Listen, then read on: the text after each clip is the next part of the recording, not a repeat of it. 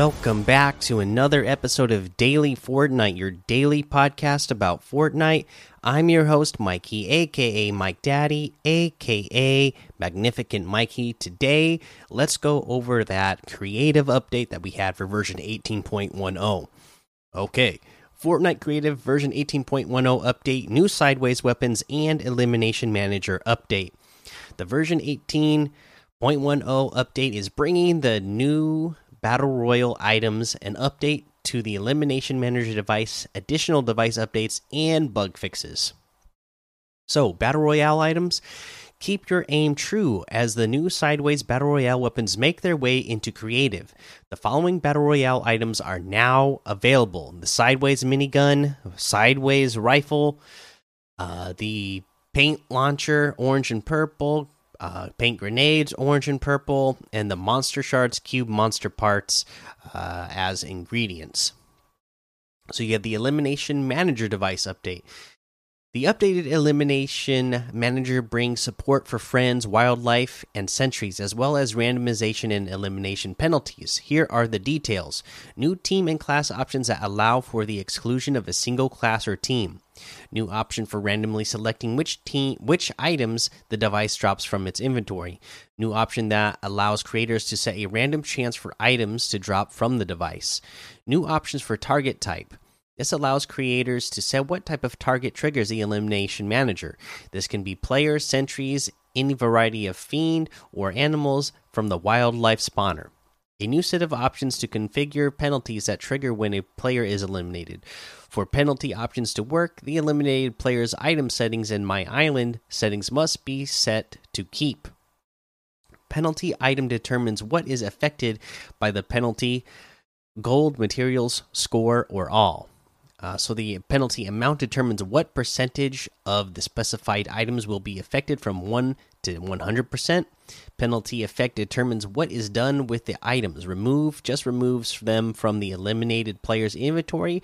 Drop drops the items into the world for the other players to pick up. Uh, or grant to eliminator gives the items to the player who eliminated the other. Uh, they have prefab and gallery updates. Uh, these looks like uh, those are just bug fixes. Island updates. They fix a texture issue with the snow on the Arctic island. Gameplay updates. Okay, so they added use. They added use team score option to My Island UI settings. If set to yes, this will cause teams to keep all score gained, regardless of whether players sub subsequently leave the team.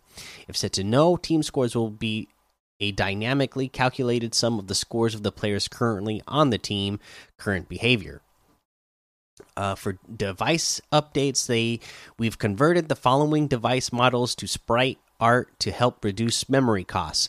The Skydome device, the VFX device, they added the Quad Crasher spawner. The Quad Crasher is now back in creative, fully compatible with the new physics system. So that's pretty awesome because uh, the Quad Crasher was a lot of fun. They added allowed team and allowed class support of the item spawner device. The the option to turn item visibility off for disallowed players will be added in a future release. They added new versions of collectibles to the collectibles gallery, golden music note, and three new coins: small bronze coin, normal silver coin, and a large gold coin. They added spooky ghost effect to the VFX device. They added new options to the customizable light device, which is dimming amount, dimming time, dim light when receiving from, and under light when receiving from, or undim light when receiving from. Uh, they added new options to the map marker capture area and objective devices to display a directional pulse similar to the one used by keycards. They added new options to the item granter. Grant on timer causes the, devi the device to grant items at the specific specified interval. Granted while offline, if a player leaves the game and then returns later, if the option is set to yes, the device will calculate how many times it would have granted the items in the player's absence and then grants them at game start.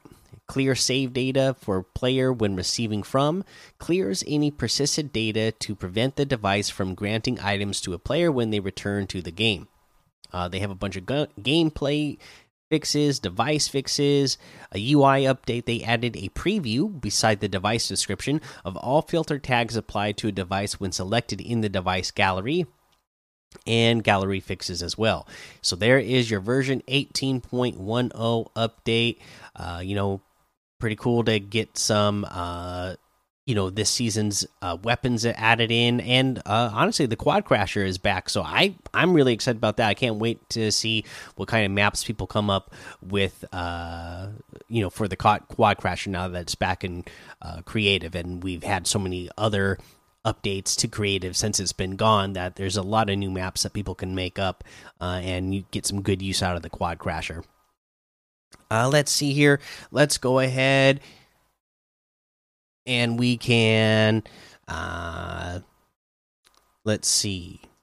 I guess there's some new challenge. Oh that's right today september 30th you get your member benefits as well. So chaos origins outfit the uh, siphon pack back bling the mutagen mace harvesting tool the world dominator wrap and uh, you know that banner icon of the handprint should all be in your inventory now if you're subscribed to the crew. So uh, make sure that you uh, sign in and get your your stuff.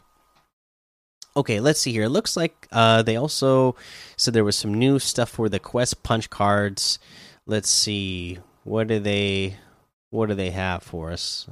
I don't even see them here. I just don't really like the way they're doing the the the the challenges this season. I'm glad they they brought us back, giving uh the you know more experience points per uh little quest and punch card, but uh, just not st still still not the best for me. I wonder what you guys think though. I, I'd be curious to find out if you could tell me in Discord.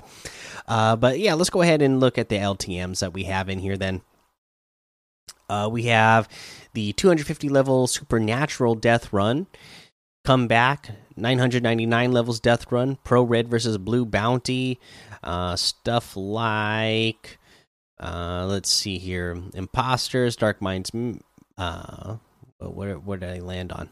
Lost and found underwater labs. Scared the 13th part. Two update soon. Uh, Fiend Slayer Primal Survival uh, FFA box fights and Zone War, Bio Zone Wars custom duo, lots of stuff to be discovered in that Discover tab. Let's go look at what we have over in the item shop today.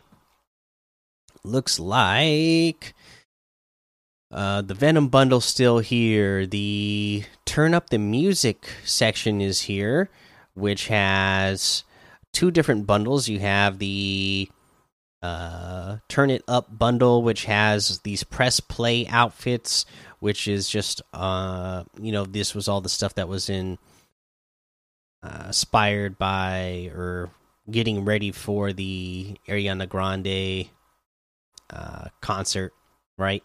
So you can get this bundle and it comes with the rotated rift loading screen. That's 2800 3200 off the total if you were to get all of those characters separately uh, they have the Feel the Rhythm bundle, uh, which has its own loading screen that it comes with as well. The Knock Knock loading screen for 2,800, also 3,200 off the total for all those character models. You can get all the character models separately, they're 1,200 each.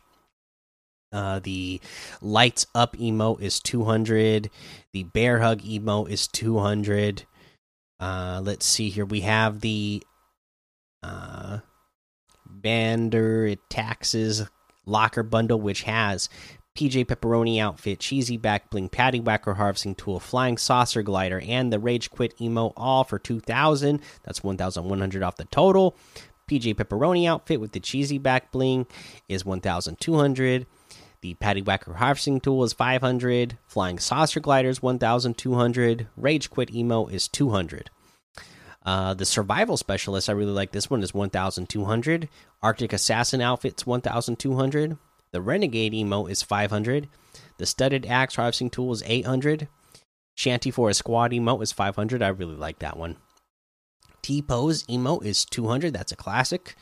Uh, we have the lace outfit with the stitches back bling for 1500 paradox outfit with the eternal back bling for 1500 visions harvesting tool for 800 equilibrium glider for 500 red knight outfit with the red shield back bling for 2000 crimson axe harvesting tool for 800 uh, we got the elomer emote for 500 is here today uh, the Bunny Moon outfit is 800. Patch Patroller outfit is 800.